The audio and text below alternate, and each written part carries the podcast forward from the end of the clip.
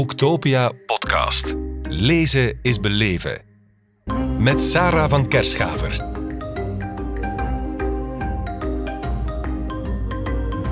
Michael Sels, welkom in onze podcast op Boektopia in Kortrijk. Hi, goedemiddag. Goedemiddag. Ja, het is etenstijd. Um, de tweede editie van je kookboek Lekker Lang Leven, Lekker Lang Leven 2, uitgegeven bij Palkmans. Dan ben ik meteen benieuwd, wie heeft het boek geschreven? Is het de kok, Michael Sels, of is het de diëtist in het Universitair Ziekenhuis Antwerpen die het heeft geschreven? Ja, het zijn eigenlijk die twee werelden Die twee samen. samen, hè. voilà. Eh, en dat maakt het zo leuk om niet alleen te focussen op ja, wat weten wij als onderzoekers, als wetenschappers over wat goed is voor je lijf, maar ook die praktijk. Hè, want daar gaat het om. Als dat bordje niet lekker is, dan gaat het heel moeilijk zijn om dat eh, regelmatig op je menu te zetten. Ja, nou, ja, we hebben nog nooit zoveel toegang, ga- toegang gehad tot kennis. Er zijn ook heel veel kookboeken. Ehm, en toch zijn er heel veel mensen die worstelen met voeding en met gezondheid. Hoe komt dat? Ja, er is heel lang ook de focus geweest dat bijvoorbeeld, hè, we zien dat ondertussen één op twee van de mensen eh, het moeilijk heeft om een gezond gewicht na te streven.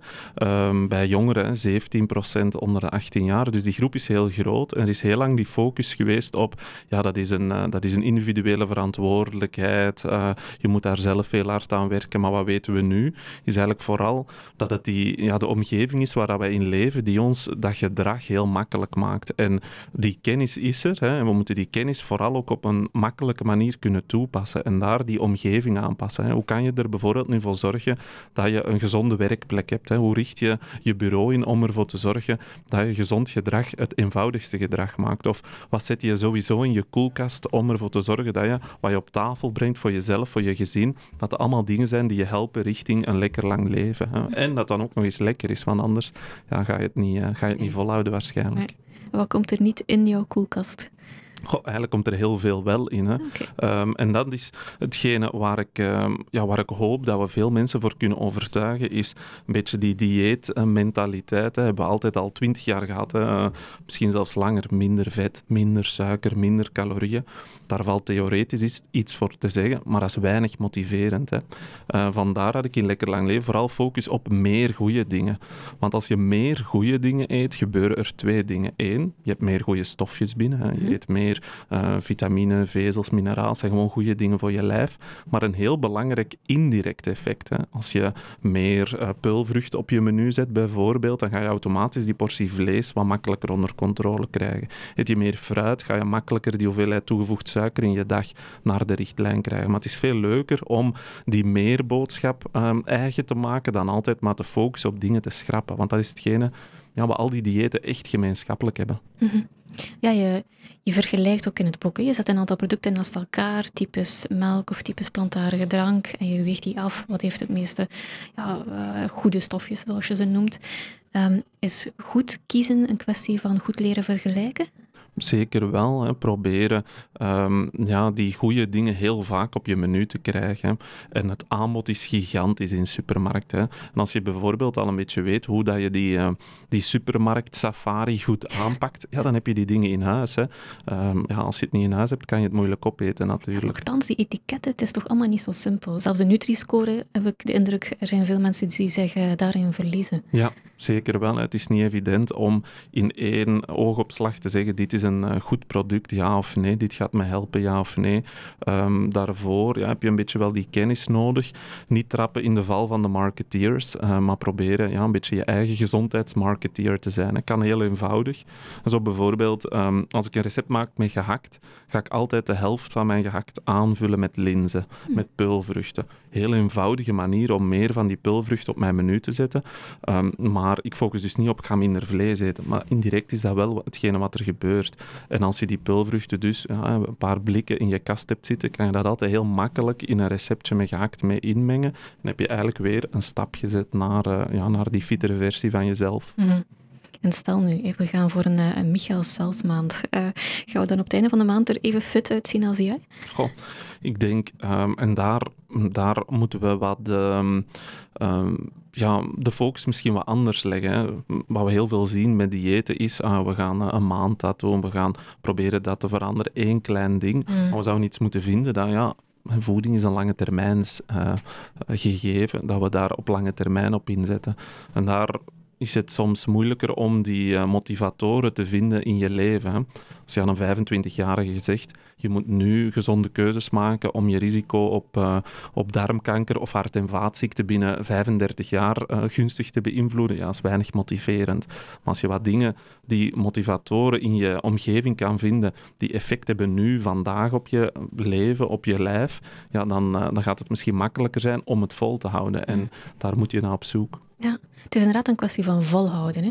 Je kan me voorstellen als hoofddiëtist, je ziet mensen een aantal keer, je kunt er ook niet uh, de hele tijd naast lopen. Is dat soms frustrerend voor jou als je hen wil begeleiden in een bepaald traject? Of zeg je, ja nee, mijn taak is net een heel traject en hey, doorgaans zie ik en bijvoorbeeld één à twee jaar.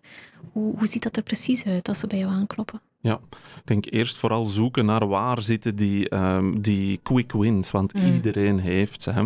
En we zien soms dat een, een eetpatroon een samenraapsel is geworden van, ja, van heel veel trends. Hè. Uh, weinig koolhydraten, want dat, was, uh, dat is momenteel wat hip. Uh, een paar hippe vetsoorten in je kast hebben staan, niet meer eten op bepaalde uren. Ja, en op het einde van de rit zijn er mensen die bij mij komen en die hun ochtendurine is roze van rode bietensap en het, het ruikt naar sinaas van de vitaminesupplementen.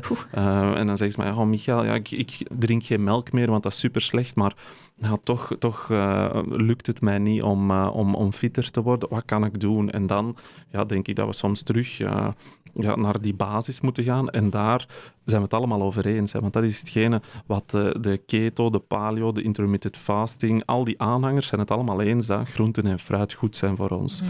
Maar 5% van de Belgen eet er genoeg van. Dus ja, als je dat kan doen op een lekkere manier, en daar komt dan Michael zelfs de chef boven, als je dat op een makkelijke manier en lekkere manier kan doen, ja, dan wordt het duurzaam. Ja, want er staat van alles in. Hè? Falafelwafels, Zweedse linzen, gehaktballetjes, halloumi-salade. Wat is de rode draad uh, doorheen al die recepten? Zijn het ja, vezelspulvrucht? Is het alles samen? Ja, echt dat meer vooral. Meer van die goede dingen. En dat is mijn belofte aan, uh, aan wie ermee aan de slag gaat. De rest volgt vanzelf. Zo eenvoudig kan het echt zijn. Hè. Um, en ja, spelen met flavor. Hè. Als we weten, als ik kijk naar wat deed mijn, uh, mijn, mijn grootouders, hè, die die brasserie in de Kempen hadden. Bijvoorbeeld, haar beste gerecht is vol. Daar heb ik, ik wel als kind veel uh, frikadellen mhm. gerold voor in de vol. Maar wat maakt dat zo lekker? Ja, dus je hebt dat krokante, dat bladerdeegkoekje dat erbij zit. Je hebt die saus. Je hebt die crèmigheid, die verschillende texturen. Dat is hetgene waarom dat we dat zo lekker vinden. Dat zijn trucs die chefs gebruiken en die ook in lekkere menuutjes ah, of in, in um, menus waar groenten de ster zijn, moet uh, proberen toe te passen. En dat is uh, dat flavor concept, die falafelwafels bijvoorbeeld. Ja, dat is uh, kikkererwten op een andere manier. Heel wat mensen kennen ondertussen wel kikkererwten in hummus, maar ja, wat kan je er nog mee doen? En bijvoorbeeld mm. zo'n wafeltje mee bakken, ja, dan heb je dat crispy, krokante van die wafel. Ja, dat, ik vind dat zelf een, uh, een super gerecht. Ik vries er zo heel vaak een deel in en dan neem ik er eentje mee naar het werk en dan neem ik in het ziekenhuis nog zo'n een, eh, een, een soepje van daar en eet ik daar zo'n falafelwafel bij. Voor mij een makkelijke, goede lunch. Dus dan uh, zeggen de collega's, ah, daar is een Michael met zijn wafels.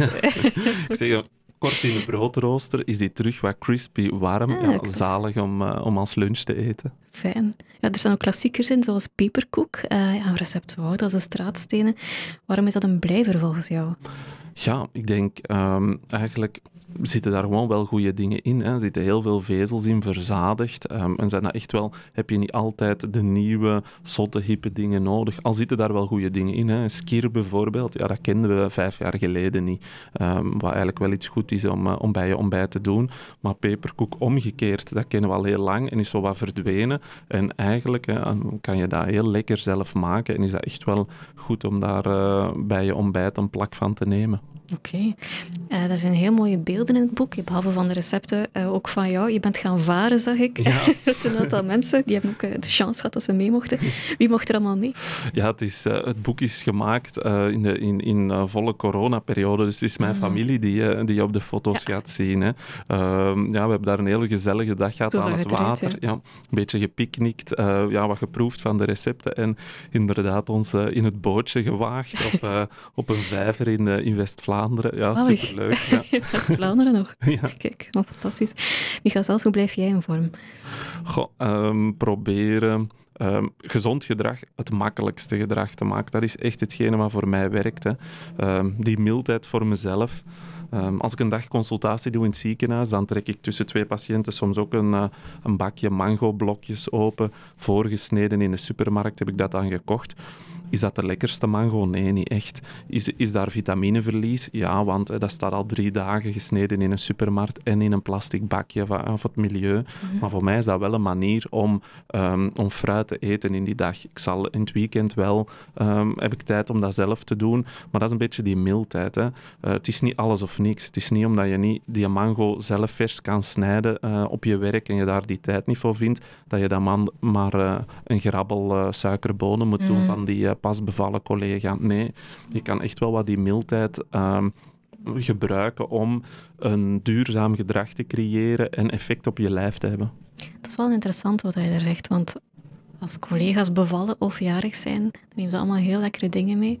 Wat zou je eigenlijk best meenemen als je jarig bent of bevallen voor de collega's? Waar doe je ze echt een plezier mee? Goh, oh ja, probeer inderdaad. Hè. Ehm, ook daar gezond, gezonde, goede keuzes die makkelijkst te maken. Zoiets. Of probeer eens. Of als je um, bijvoorbeeld, als je mensen uitnodigt en je, en je maakt een aperitief en het zijn uh, buggles met geitenkaas, ja, dan is dat moeilijk om, om die goede keuze te maken. En je kan er moeilijk zelf met een paar uh, stokken selder gaan zitten. Dat is nu niet de tofste aperitief die je dan gaat maken. Maar je kan ook superleuke dips maken. Ik heb bijvoorbeeld een uh, geroosterde bloemkooldip.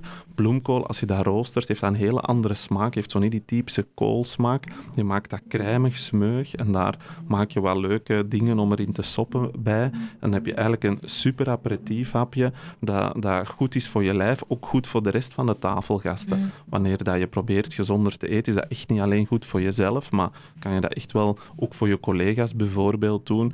Um, want ja, die obesogene omgeving, die omgeving waar wij leven, dat is ook op kantoor. Hè.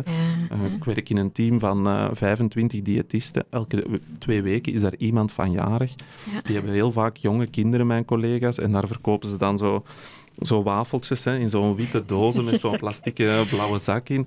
Dat zijn niet de lekkerste wafeltjes. Is dat dan de moeite? Voor mij is dat niet de moeite om dat te kiezen. Maar als iemand zelf uh, bijvoorbeeld een, uh, een carrot cake heeft gebakken, dan ga ik zeker een stuk van proeven. Mm. Het is een hele geruststelling dat ook diëtisten niet heiliger zijn dan de paus. Nee, zeker niet. okay. Michael zelfs hartelijk dank om hier te zijn. Bedankt. Boektopia podcast. Lezen is beleven. Beluister ook de andere podcasts live opgenomen op Boektopia 2022. Nu via je favoriete podcast-app.